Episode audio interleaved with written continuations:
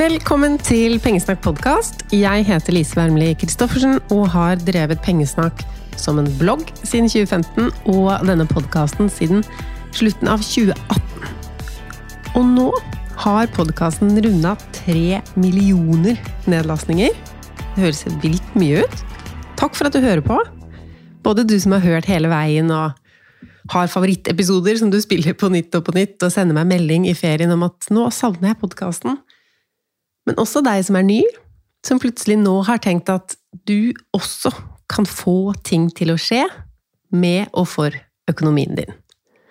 Altså med at du kan få mer ut av livet med en bedre økonomi, og for som i innsatsen du kan putte inn for å lage deg en bedre økonomi. Det er masse grep du kan velge å ta, og ting er mulig for deg også. Det er jo egentlig mye enklere å sitte med gode unnskyldninger for at ting er som de er. Du kan kanskje ikke tjene mer, du kan ikke bruke mindre. Det er urettferdig, og det er noen sin skyld. Nå er det ikke meninga å være streng hvis du tenker sånn, men det jeg mener er at selv en dårlig unnskyldning kan være ganske behagelig. Fordi da trenger du jo ikke å gjøre noe, hvis det uansett ikke er noe du får gjort. Og hvis den dårlige unnskyldningen ikke er dårlig, men er faktisk en god, en ordentlig grunn, så er det iallfall greit å bare leve med den sannheten. Eller ikke at du har det greit, du kan jo fortsatt være eh, sint pga. urettferdighet og alle disse tingene, men nå snakker jeg om det å ta tak eller ikke. For er det virkelig helt sant at det er ingenting du får gjort? Ja, det kan føles urettferdig at du har lav lønn, kanskje, vokst opp i en familie der ingen snakka om penger, at du ikke har eh, noe kunnskapsgrunnlag. Eh, eller at du må begynne å spare inn på ting du liker nå. Det er jo ikke noe gøy. Men det at ting er vanskelig og urettferdig, det har på en måte ingenting å gjøre med den sannheten som er at du får det bedre med bedre økonomi. Og det er litt opp til deg. Altså det er nesten 100% opp til deg.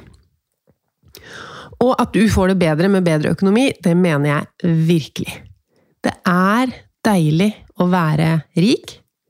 Nå vil jo mange si at jeg er ikke spesielt rik, men eh, det er jeg, tenker jeg. I mine øyne. Og spørs jo alltid hvem man sammenligner seg med. ikke sant? Eh, det er rart å kalle seg rik kjemperik sånn i norsk sammenheng, men ser man i verdenssammenheng definitivt rik. Jeg har råd til nesten hva som helst, og det er digg. Å vite at jeg kan kjøpe ja, nesten hva som helst. Det er noen ganger faktisk bedre enn å faktisk kjøpe tingen. Og det skjønner jeg at man ikke tenker når man har lite. Da kjøper man. Og gjennom å kjøpe hva skulle det være, AirPods Pro og eh, Hoka-sko og reiser og alle små og store ting som man vet er litt dyre, og det gjør at du kan føle deg rik en liten stund. Så klart skal du ha sånne bra ting. Du fortjener det. Men jeg mener også at du fortjener mer å ha eh, skal jeg si, valget, eller valgmuligheter. At du skal ha kredittkort som ikke har en høyere saldo enn hva du har av penger å bruke. Du fortjener å ha en pensjonsordning, også en privat ved siden av eh, jobb, så du har en trygghet framover. Du fortjener å ha råd til gode forsikringer. Du fortjener å ha en trygg, god økonomi og de valgmulighetene det gir deg selv om du også må ofre noe for å få det til. Det er noen ganger det smaker bedre òg, når man vet at det her har jeg faktisk jobba for. Tilbake til det med unnskyldninger. I forrige uke så var det en av dere lyttere som tagget meg i en eh, post på Instagram, der hun fortalte at hun har spart 100 000 kroner i år, og hva hun hadde gjort for å få til det. Og En av de tingene var å bruke Pengesnakk-almanakken og planlagt godt, snakket økonomi med søstera si, og en hel liste med ting. Og siden jeg var tagget pga. almanakken, så delte jeg det videre. Og da fikk jeg mange meldinger. Men hun har ikke barn. Hun tjener mye, eller? Og flere sånne varianter. Og da tenker jeg hm, Du hadde sjansen til å la deg inspirere, se i den lange listen med tiltak om det var noe du kunne begynt med også, men du valgte å heller lete etter en grunn til at du ikke kan få til det samme. Selv om du kanskje ikke har som mål å spare 100 000 kroner på ni måneder engang. Skjønner du hva jeg vil? Jeg har flere ganger hatt gjester her i podkasten som omtrent spydde da de først hørte om pengesnakk og jeg la ut på internett hvor mye jeg sparte. Det var noe skikkelig irriterende ved at det tilsynelatende var så enkelt for meg. Og så, noen år etterpå, er de her som gjest for å snakke om hva de har fått til, og videre inspirere andre.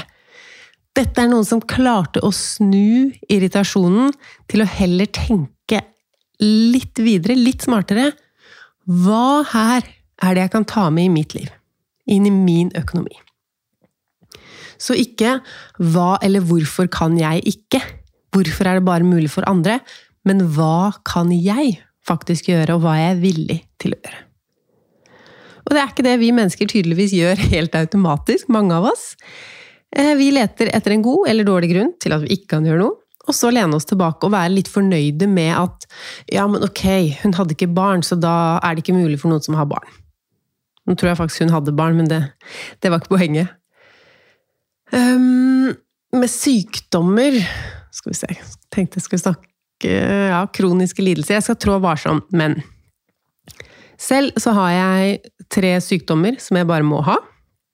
Snakker ikke mye om tarm og hodepine og utslett på hele kroppen i kanalene mine. For til å ha sykdommer, så er jeg en av de heldige. Og sånn som jeg jobber nå, så kan jeg tilpasse veldig mye selv etter helse. Så jeg er heldig, men det er ikke bare hell. Jeg har skapt livet mitt selv. Jeg hadde en periode med en gang jeg var ny i arbeidslivet, hvor jeg var sykmeldt. Mm, nesten aldri fullt sykmeldt, men halvt sykmeldt, 80 sykmeldt, ulike opp og ned der. Så lenge at jeg til slutt fikk et brev om at jeg går veldig mye ned i lønn hvis jeg eh, ikke slutter å være sykmeldt. Og det ble jo en av mine økonomiske vekkere. Hva om jeg ikke kan tjene en full lønn hele livet? Heldigvis var jeg på bedringens vei, og jeg bytta jobb for å gjøre det altså fra åpent landskap til eget kontor, hvor jeg kunne skru av lyset og ha ørepropper i. Eh, der forhandla jeg opp startlønna mi i det nye firmaet. Jeg begynte å investere penger på børsen. Alle grep um, tok jeg fordi jeg visste ikke hvor lenge jeg kom til å kunne jobbe. Hvis jeg hadde en begrensa tid til å tjene full lønn, så måtte jeg spare så mye jeg kunne nå. Så jeg ordna meg lavere rente på boliglånet mitt, prioriterte helse, hvile og økonomisk kunnskap. Nå er dette mange år siden, og jeg har vært friskere enn frykta, men det er jo ingenting i livet som er sikkert. Og jeg vet i hvert fall for min del at jeg får mye mer ut av livet med å spare enn å, du vet, leve mens jeg er ung, osv. For hvis du ikke har fått det med deg enda, det går an å leve bra og spare samtidig. Så jeg har vært heldig, men det er det ikke sikkert du er. Så gjør noen smarte grep, sikre deg selv litt.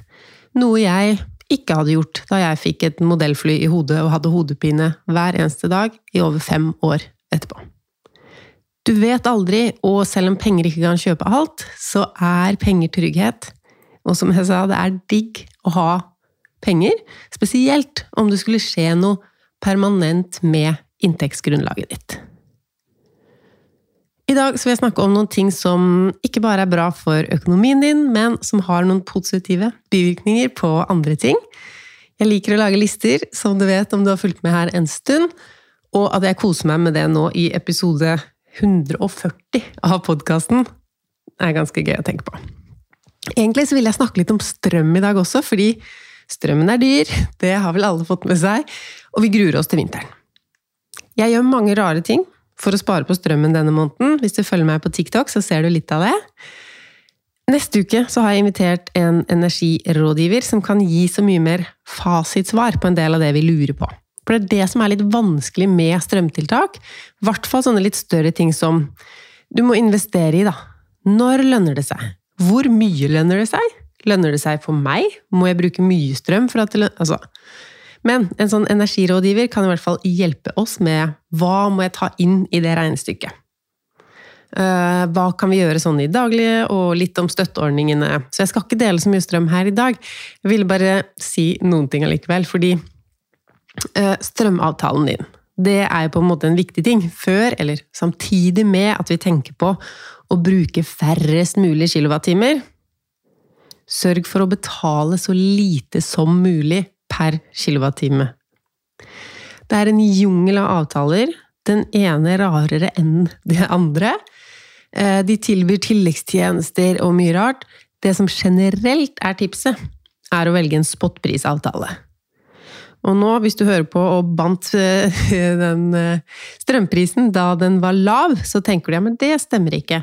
Men der vi står i dag, hvis man skal bytte en strømprisavtale nå, og velge en fast prisavtale, de er jo mye dyrere nå som strømmen er dyr, og vi ser at den skal være dyr fremover. Så spotpris er jo en avtale som følger spotprisene, altså det det kjøpes og selges for på den eh, børsen. Energi Hva kaller de det? Nordpol. Og så er det påslag og månedsgebyr, som da bør være så lave som mulig. Og denne spotprisen, den er veldig ulik i de sonene vi har her i Norge. Jeg liker å sjekke spotprisen på strømpris.no. Der kan du trykke på hva står det? 'Jeg vil se spotprisen', eller sånn. Og så velger du øst, sør, midt, nord eller vest, og kan se for i dag og i morgen. Hvis du bor med meg i øst, så anbefaler jeg deg å ikke sjekke midt eller nord hvis du ikke vurderer å flytte på deg. Fordi det er store forskjeller. Og grunnen til de store forskjellene det virker jo litt dust at vi kan sende strøm til andre land, men ikke innad i vårt eget land. Det jeg har skjønt nå, er at det hadde ikke hatt sånn supermye å si om vi hadde kunnet sendt Nord-Norge-strøm helt ned hit med en kabel eller noe. Fordi spotprisen baserer seg på tilbud og etterspørsel, og er eh, Altså, strøm er jo ikke noe vi kan lagre så lenge, så den må brukes ganske med en gang. Og i nord bor det få folk, relativt, og dermed er etterspørselen etter strøm lav. Og da blir det veldig billig strøm, da. Når det er nok strøm til alle de som trenger det, og de bruker ikke så mye. Men det er ikke sånn at selv om det er mer enn nok strøm til forbruket der oppe, så er det kjempemye mer strøm til overs. Så det ville ikke ha monna så mye om vi hadde fått den overskuddsstrømmen sendt på magisk vis ned hit. Iallfall ikke om man skulle bygget den lange kabelen som vi eh, ville trengt, da. Så her, i området hvor jeg bor, det er industri, det brukes så mye strøm at den overskuddsstrømmen fra nord ville ikke monna stort. Sånn jeg har skjønt det. Men ok, jeg tenker jo lite på ting som jeg ikke får gjort noe med, eh, så la oss heller snakke litt om hva man får gjort. Mange av oss som har spotprisavtale, kan justere forbruket vårt etter tiden på døgnet og i uka. Eh, da må du inn og se på hva slags avtale du har, om du har sånn som følger eh, døgnet, eller om det er samme pris uansett når du bruker mest strøm. Det som var enkelt å si før, var at på morgenen, når folk står opp og bruker masse strøm til å lage frokost og hva vi nå gjør, da er strømmen dyr. Vi dusjer. Og så, når alle kommer hjem fra jobben sånn 4.50 og begynner å lage middag og lade bil og sette på klesvask, da er strømmen dyr fordi etterspørselen akkurat de timene er så stor. Og den tommerfingerregelen er ikke helt gyldig lenger. Og jeg leste her i skal vi se, Hus og bolig. Det er bladet til eh, Huseiernes Landsforbund. De kunne mye om dette her. Skal vi se. Den siste tiden ser vi at et annet prinsipp styrer mer enn etterspørselen, nemlig tilbudet. I timer med mye vind og sol produseres mye kraft i land som grenser til Norge. Så det er jo sikkert Sverige og Danmark, da. Og prisen i disse områdene blir lav. Når det er vindstille og overskyet, går prisene opp. Så det var litt info om det. Så sørg for å ha best mulig strømavtale. Bruke til riktig tid. Spesielt lade bilen, tenker jeg på, da.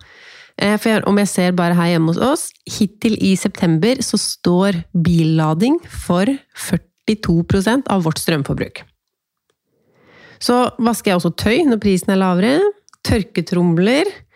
Der er det mer å spare. Så jeg visste faktisk ikke at tørketrommel drar fire ganger så mye som vaskemaskin.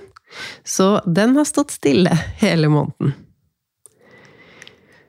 Jeg tenker jo på sparing og penger, økonomi, altså alle disse grepene vi kan ta, litt som en meny man kan velge fra. Jo flere tiltak vi velger, jo mer økonomiske er vi, kan man jo tenke, men så stemmer jo ikke det helt. Fordi noen tiltak er store, eh, mens andre er eh, mindre ting. Så det er lov å velge mange ting, gjøre masse tiltak for å få en bedre økonomi, eh, og det er lov å holde seg til de få større. For jo færre du gjør, jo mer må du sørge for at de du faktisk gjør, er de store, viktige grepene. Men det er ingenting i veien for å gjøre masse, både store og små, gode, smarte tiltak i økonomien. Det er jo enkelt å si at jeg trenger jo ikke å følge med på prisen på brød når jeg skal velge brød og se hvilket som koster hva. Jeg bør heller tjene mer eller ta store grep på rente osv. Men så går det jo også an å gjøre både store grep, prøve å tjene mer og følge med på prisen på brød. Eh, så det gjør jeg, og så bruker jeg også masse, masse, massevis av penger på oppussing. Så bevisste prioriteringer Det er ikke forbudt å bruke penger man har, på ting man vil bruke penger på. Men nå har jeg snakka så lenge, nå kommer jeg til uh, ukas liste. Sparetips med ekstra fordeler. Nå snakka jeg jo litt om strøm, så kan du ta med den i lista. Den ekstra fordelen med å være sparsom på strømmen, det er jo den grønne siden av det. Altså det er klimavennlig å bruke mindre strøm. Tips nummer to hopper vi helt i kategorier. Denne lista her er fra alle mulige ting. Tips nummer to er å godta at håret ditt er grått. Det har jo vært diskutert heftig i media i det siste hvorvidt vi skal godta at skjønnhetsbehandlinger og operasjoner blir normalisert i samfunnet vårt. Eh, nå er jo dette på en helt annen skala, men jeg husker fortsatt den dagen rundt kaffemaskinen da jeg jobba på en jobb. Eh, og jeg skjønte, eller de fortalte, mine kvinnelige kollegaer i kaffepausen fortalte at eh, alle har grått hår. Og de farga over. Og da tenkte jeg sånn Vi lurer hverandre.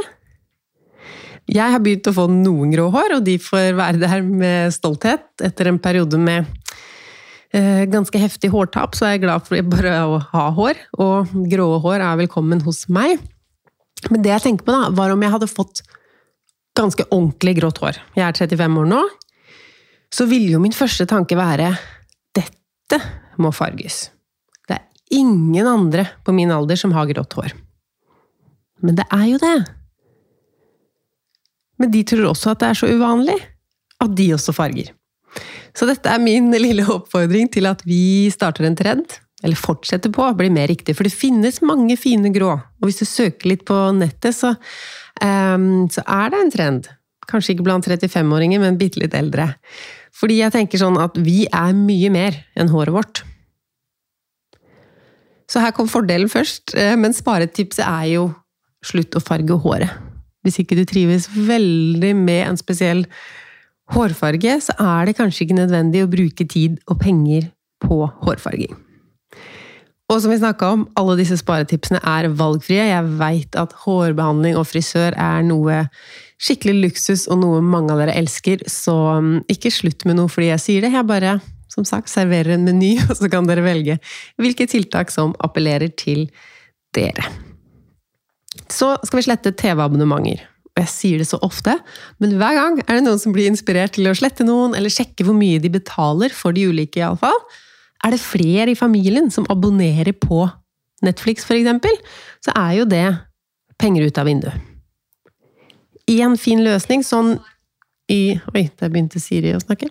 Én eh, fin løsning er jo å rullere litt. Hvis du egentlig liker å ha mange TV-kanaler, så kan du gjøre det sånn at du har TV2 en periode, og når du avbestiller den, så kan du ha HBO en periode til du, det, altså til du har sett det du ville se der. Og så kanskje Disney Blues eller en annen. NRK har jo veldig mange fine serier som er helt gratis. Men den ekstra fordelen jeg tenker på her, da, ved å slette kanaler, er jo ikke alle kronene vi kan spare, men å se mindre på TV. Og hvorfor er det en fordel? På grunn av hva annet du kan gjøre med tiden din. Tida går så fort når man ser på TV. Timene flyr, og så eh, Vi er jo mange som er veldig travle. Altså, vi har ikke tid til det, eller det, eller det. Og samtidig så ser vi på den ene TV-serien etter den andre. Kanskje er det søvn det går utover, eller noe annet man burde gjort. Det er jo den ene siden av det, altså hva det går utover i dag. Eh, men så er jo potensialet mye større enn det. For tenk hva du kan gjøre med den tiden. Om det er eh, Nå sier jeg ikke at det ikke finnes smarte ting på TV, eller at det ikke kan være hyggelig å se på noen ting, men det blir så mange timer. Og er det noe bedre vi kunne um, gjort med den tiden? Neste tipset er å samkjøre til jobb. Så dette er jo til deg som bor i nærheten av noen du jobber med, og det er et stykke til jobb. Kanskje ikke mulig å ta kollektivt heller. Fordelen med sånn samkjøring er jo flere. Altså den økonomiske siden av det er jo at kanskje du kan kutte ned en bil hvis du sitter på noen andre, eller kollegaen din kan kutte sin bil, og så kan dere spleise litt på Ehm, drivstoffkostnaden, eller kjøre annenhver dag, og at dere da sparer litt begge to. Det kan jo også være ganske hyggelig å ha eh, noen å kjøre sammen, altså sitte og prate. Hvis du ikke har noen å samkjøre til jobb med, eller du bare går eller sykler til jobb eller kjører kollektivt, hva med å samkjøre litt sånn innad i familien? Kanskje hvis det må kjøres til en fotballtrening, hva kan du gjøre samtidig da mens fotballtreninga er? Ja, kanskje trene selv, eller gjøre ærend. Og da sparer du jo drivstoff på at du ikke må kjøre kanskje samme veien en annen dag for eh, å gjøre dine ærend. Og der er jo også en fordel litt sånn Uh, Alt det vi skal tenke på og huske på. Og der burde jeg levert en bok på biblioteket, jeg må innom der og gjøre det, apoteket. Hvis du veit at ja, torsdag, når den fotballtreninga er, det er jo da jeg gjør ærend, så jeg bare samler alt på torsdag, så slipper jeg å prøve å planlegge så mye mer med det. Så ha et sånn uh, fast greie, og da kjører du dit én gang og gjør absolutt alt samme timen.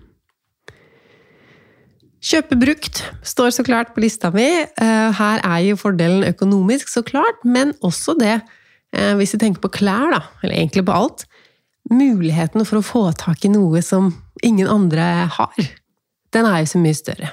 Så det er jo den eh, spenningen med å liksom ikke vite hva du finner, den er jo ikke der like Altså på samme måte når man går i kjedebutikkene.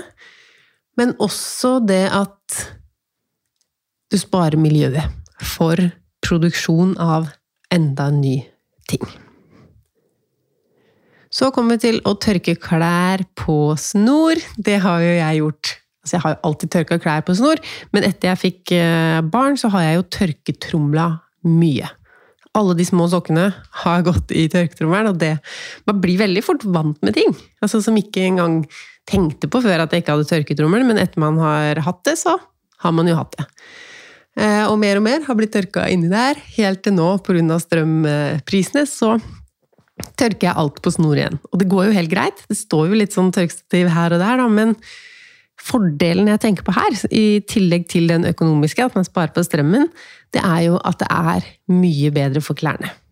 Tørketrommelen um, er ikke bra for fibrene i klærne dine. Og du kan jo se i det lofilteret at det er mye som samles opp der. Jeg veit ikke om det er ting som ville dette ja uansett, men det gir jo kanskje en indikasjon på at klærne blir litt røft behandla og blir bokstavelig talt tynnslitt. Så har jeg skrevet opp 'kjøpe færre ting'.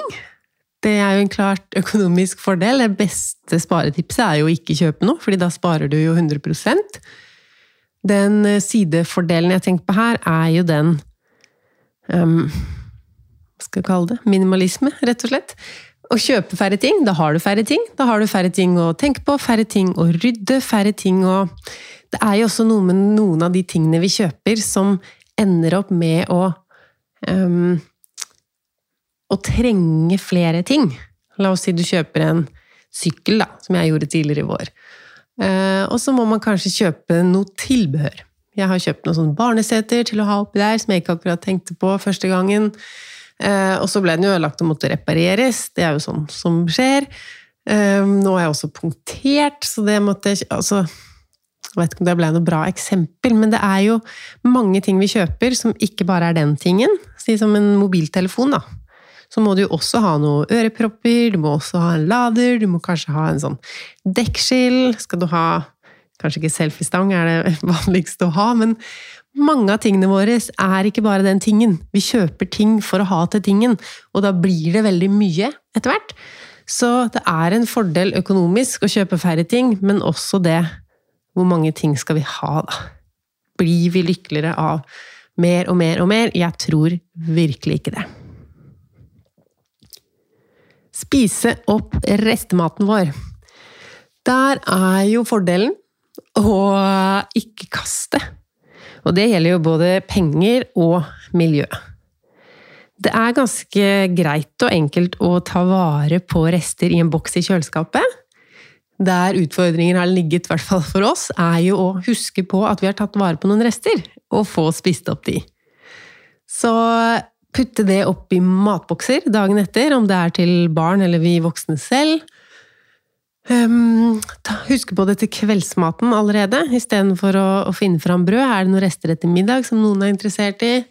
Uh, er det mye, altså er det nok til en helt nytt middagsmåltid? Spar det til dagen etter. Um, tenk på med en gang du har denne boksen på vei inn i kjøleskapet, når skal dette her spises? Og hvis du veit at nå er det mange ting, og vi skal bort i helgen, og vi har planlagt den og den og den maten, eller har middager fra matkasse som eh, varer hele uka, ja, da må dette faktisk fryses ned. For du kan ikke sette inn en boks, og så tre uker etterpå Ja, nå har jeg tid til å spise de lasagnerestene. Da er det for gammelt. Men det er jo utmerket å fryse det ned. Og jeg merker ikke boksene hvis jeg skal ha dem i kjøleskapet, men hvis det skal fryses ned, så er det en fordel å ikke bare skrive hva det er, men når det ble lagt oppi der. Noen har jo også fin eh, oversikt som de skriver ned, hva som ligger i fryseren. Så, så systematisk er ikke jeg, men jeg har heller ikke så full fryser at jeg lett mister oversikten. Men å ha dato og hva det er på, det er litt fint å vite. Og ikke bare restemat, men spise opp det man har hjemme. Bruke opp ingredienser før man kjøper nye. Så ikke bare selve middagsrestene, men den posen med salat eller brokkoli eller hva det nå skulle være. Få planlagt inn det når resten skal spises. For når noe er åpent eller er ferske ting, så har jo det en begrensa holdbarhet. Så fokuset bør ligge der. Eh, velge ting som må spises før man går til tørrvarer. Men også når det gjelder tørrvarer. Um, hvis du så, I august så la jeg ut en YouTube-video fra en opprydning i kjøkkenskapene mine. Det var veldig lite som måtte kastes der, heldigvis. Men uh, vi hadde jo så mange frokostblandinger. Så jeg satte jo de på rekke og rad på øverste hylla, og nå har vi spist dem opp. Én etter én. I dag tømte jeg det siste av en oppi den boksen der vi har musli, og det som er musliboksen vår. Så nå er det bare den ene tingen på hele hylla. Og det er så deilig å ha oversikt, og ikke stå på butikken og tenke ja, jeg kan jo kjøpe meg en musli, for det spiser vi mye av i vår familie. Det er fint å ha litt rom i skapet. Nå er jeg jo ikke imot å f.eks.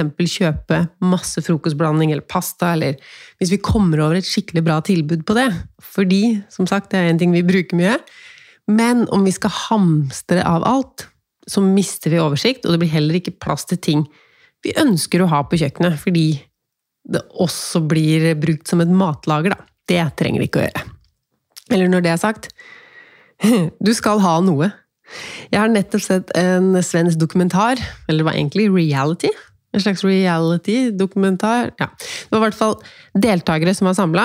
Seks stykker ble sendt til et moderne hus, og de visste jo ikke hva, helt hva de hadde meldt seg på. Og seks stykker i et gammelt gårdshus. Og så gikk strømmen i begge boligene, pga. en eh, solstorm, var det de lata som i dette eksperimentet. Deltakerne tenkte jo, som man jo ofte tenker når strømmen går, den kommer tilbake snart. Men den ble da borte i tolv dager.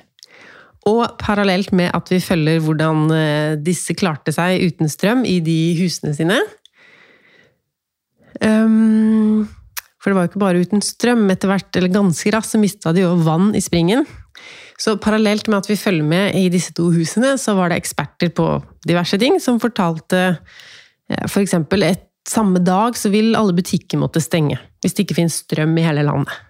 Og alt videre, alt som skjer, og hvor avhengige vi er av internett, er jo én ting, men strøm og vann spesielt, da. Så jeg sjekka hva det er vi egentlig skal ha hjemme, med tanke på kriser, eh, solstormer og andre ting. Og det er jo mat og drikke til tre døgn. Og det kan jo da være altså så, Dette er Direktoratet for samfunnssikkerhet og beredskap som har laga denne lista, så det er ikke noen ekstreme ting.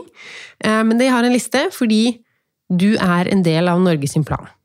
Tre døgn alene uten strøm og vann hadde du klart deg? Lista med i hvert fall matdelen Skal vi se Ni liter vann per person. To pakker knekkebrød per person. En pakke havregryn per person. Tre bokser middagshermetikk. Tre bokser pålegg med lang holdbarhet. Noen poser tørket frukt eller nøtter, kjeks og sjokolade. Medisiner. Altså varmekilde til oppvarming og matlaging, stearinlys, lommelykt og Ja, det er litt andre ting.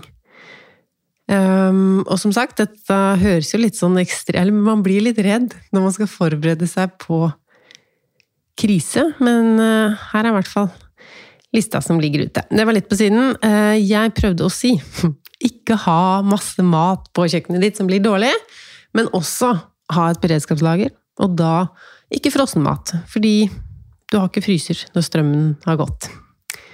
Ok, la oss komme oss tilbake til uh, sparing ta vare på ting du har. Og hva mener jeg med det? Da mener jeg for eksempel å smøre skoene dine, eh, reparere ting som går i stykker, eller kanskje til og med litt før det går i stykker, hvis du har eh, et bordbein hvor skrua har begynt å løsne. Skru i den før hele bordet faller sammen og du må kjøpe nytt. Fordelen er jo åpenbar at du sparer penger på å ikke kjøpe nytt. Tilleggsfordelen er en konkret, som er at du sparer klima for produksjon av enda mer ting bare til deg. Men også en ikke like konkret fordel, som jeg i hvert fall merker skjer når jeg har reparert eller behandla noe for å få det til å vare lenger. Bare om jeg har sydd i en knapp liksom, på et plagg, så blir jeg litt mer glad i den tingen. En slags takknemlighet eller stolthet, eller jeg vet ikke, det er i hvert fall noe sånn Det er noe mer mellom meg og den tingen etter jeg har tatt vare på det og reparert det. Bruke biblioteket er neste på lista mi. Jeg er jo ikke imot å eie bøker, eh, men det er fint å kunne lese og så levere etterpå. For minimalismen sin del, ikke fylle opp huset, spare penger. Men også fordi på biblioteket så kan du finne andre gleder. Hvis du har barn, så er det fint å eh, ta det som en utflukt um, også å se på programmet. De har noen ganger filmvisning eller høytlesning. Er det lenge siden jeg har sett på hvert fall vårt uh, bibliotek, men forskjellig uh, type ting, da. Og også for voksne. Jeg har holdt foredrag på mange bibliotek. Kanskje får jeg også komme til ditt uh, en gang. Bibliotekene har også lydbokapp. Og det, sånn jeg har forstått det, så er det litt forskjellig app til forskjellig bibliotek. Den jeg har, må jeg innrømme at jeg ikke er så fornøyd med. Det er mange titler som ikke fins, jeg finner ikke utenlandske bøker. Eh, og hvis sønnen min vil høre på en historie, så må han da sette seg på venteliste for å få tilgang til den lydboka. Så det funker ikke så bra. Vi har en lydbokapp vi betaler for, faktisk. Men eh, det kan jo hende at det fungerer bedre med din app, eller med eh, hvordan du bruker lydbøker. Så sjekk ut det også, om den lydbokappen fra biblioteket kan være noe for deg. Selge unna ting du ikke trenger. Typisk eh, pengesnakktips. Um, og der får du jo en pakke med fordeler. Spesielt om du selger mange ting, som vi jo gjør i Selge 100-utfordringen. Uh, hvis du vil vite mer om hva det er, så kan du google det, men kort fortalt, det går ut på å selge 100 ting. Eller å ha 100 salg med ting du ikke trenger lenger, ut fra boligen din. Jeg sendte en pakke senest i natt, og er nå oppe i 81 salg nå i 2022 elsker å selge ut av huset fordi ikke bare får jeg noen kroner, men jeg får ut ting som jeg ikke trenger. Og ikke bare ut av hjemmet mitt, men til noen som faktisk blir glad for å få dem. Og det syns jeg er så fint. Men eh, for det er et men her. Da jeg fant ut at folk betaler for de rareste ting, så ble det jo ikke noe lettere for meg å kaste ting. Og med tanke på at jeg ville kvitte meg med masse, eller hadde behov for å kvitte meg med masse, og ønsker å få et enda mer minimalistisk hjem, så tar jo denne prosessen med å selge hvis du sammenligner med det å bare donere, levere til loppemarked eller kaste, det går kjapt. Selge disse hundre små tingene, det tar lang tid. Så nå har jeg laget meg en 200 kroners grense, som vil si at um, er det mindre verdt enn 200 kroner, så blir det gitt bort. Og ikke på nett, fordi poenget for meg er jo da at jeg ikke skal drive og ta bilde og legge det på venting. Da kan jeg ta det ut med en gang. Så grunnen er den eh, altså tidsforbruket, og at jeg vil kvitte meg med tingene mye kjappere. Så det betyr ikke at jeg har slutta å verdsette små summer. Jeg ser absolutt verdien i eh, småpenger, men jeg har funnet ut at jeg verdsetter et minimalistisk hjem enda mer. Så ja, det var jo noen positive og en negativ ting med å selge unna. Når det gjelder den negative der, da, så er jo egentlig minimalisme et veldig bra sparetips. Fordi minimalisme handler jo om å eh, hva skal jeg si, godta eller bli enig med seg selv om at jeg har nok. Jeg trenger ikke mer, jeg er fornøyd med det som er her. Kanskje ikke mengden av det som er her, det er fortsatt for mye her, men jeg trenger i hvert fall ikke noe mer inn. Og det var jo, som jeg nevnte tidligere det beste sparegrepet av alle. Kjøper du ingenting, så har du jo spart alt. Um, så det med å få ting ut, selv om man ikke får penger for selve tingen, så vil det være altså Både det at man ikke leiter etter ting og bestemmer seg for å kjøpe de på nytt, selv om man vet man har det, fordi man vet ikke hvor det er. Eller at man har ting man ikke engang vet at man har. Så når man trenger en sånn ting, så kjøper man det. Da hadde det jo ikke vært noe vits å ha det i utgangspunktet. Um, hvorfor mer er minimalisme et bra sparetips? Vi ser mer og mer at vi kan klare oss med så lite. Sånn som i 2016, når jeg eh, lagde garderoben min liten. Starta med kapselgarderobe. Jeg ville jo ta vare på alt jeg ikke trengte og brukte bare for sikkerhets skyld. Og det var jo i starten flere esker og poser. Ehm, jeg tror Vet ikke om det handler om hva slags generasjon vi er i, eller Vi er har en slags innebygget angst for å ikke ha nok. For å gå tom. For å angre på at vi kvitter oss med noe. Ehm, men man trener seg mer og mer opp til å Eh, verdsette alle fordelene da, som, som, det en liten garderobe gir. Og jeg eh, kan snakke mer om kapselgarderobe i en episode snart, for det er lenge siden jeg har snakka om det i podkasten. Men der er det jo sånn at eh, man har bare én sesongs klær framme. Rundt 30 ting har jeg, som i en sånn prosjekt 333 er det jeg følger. Og det er nok. Det er virkelig nok. Og den følelsen av å ha nok, og kunne forplante det til flere og flere ting Jeg trenger ikke så mange ting på kjøkkenet. Jeg klarer meg uten å ha én spesialdings til alt. Og jeg tenker sånn, Hvis jeg hadde eh, flytta til et annet land da, og bodd i en leieleilighet et år, eller sånn, det er ikke mange sånne ting fra kjøkkenet mitt her jeg hadde savna. Selv om jeg nå når jeg er her, så tenker jeg sånn Den må jeg ha. Um, så det å begynne å se verdier ganske langt utenfor selve tingene. Og ja, det kommer jo tilbake til det samme, da. At vi ikke kjøper nye ting. Og det er veldig økonomisk. Jeg sitter jo nå ja, jeg skal eh, merke denne episoden som reklame, for nå kommer jeg inn på minimalisme. Kurset mitt, endelig ryddig. Jeg jobber med de siste detaljene for å få kurset inn i denne kursportalen. Den åpner for medlemmer 10.10. klokka 10, altså 10. oktober. Eh, og fram til da så er det førsalgspris på kurset. Så hvis du vurderer å være med på Endelig ryddig og gå gjennom hver eneste ting i hjemmet ditt eh, sammen med meg Det er et online-kurs, så det er videoer og filer og lister og oppgaver ting å gå igjennom på nett da, med meg, samtidig som du går gjennom hjemmet ditt hjemme. Um, så skal du være med, så meld deg på før 10.10. Det går fortsatt an å melde seg på etterpå, men da er det til full pris.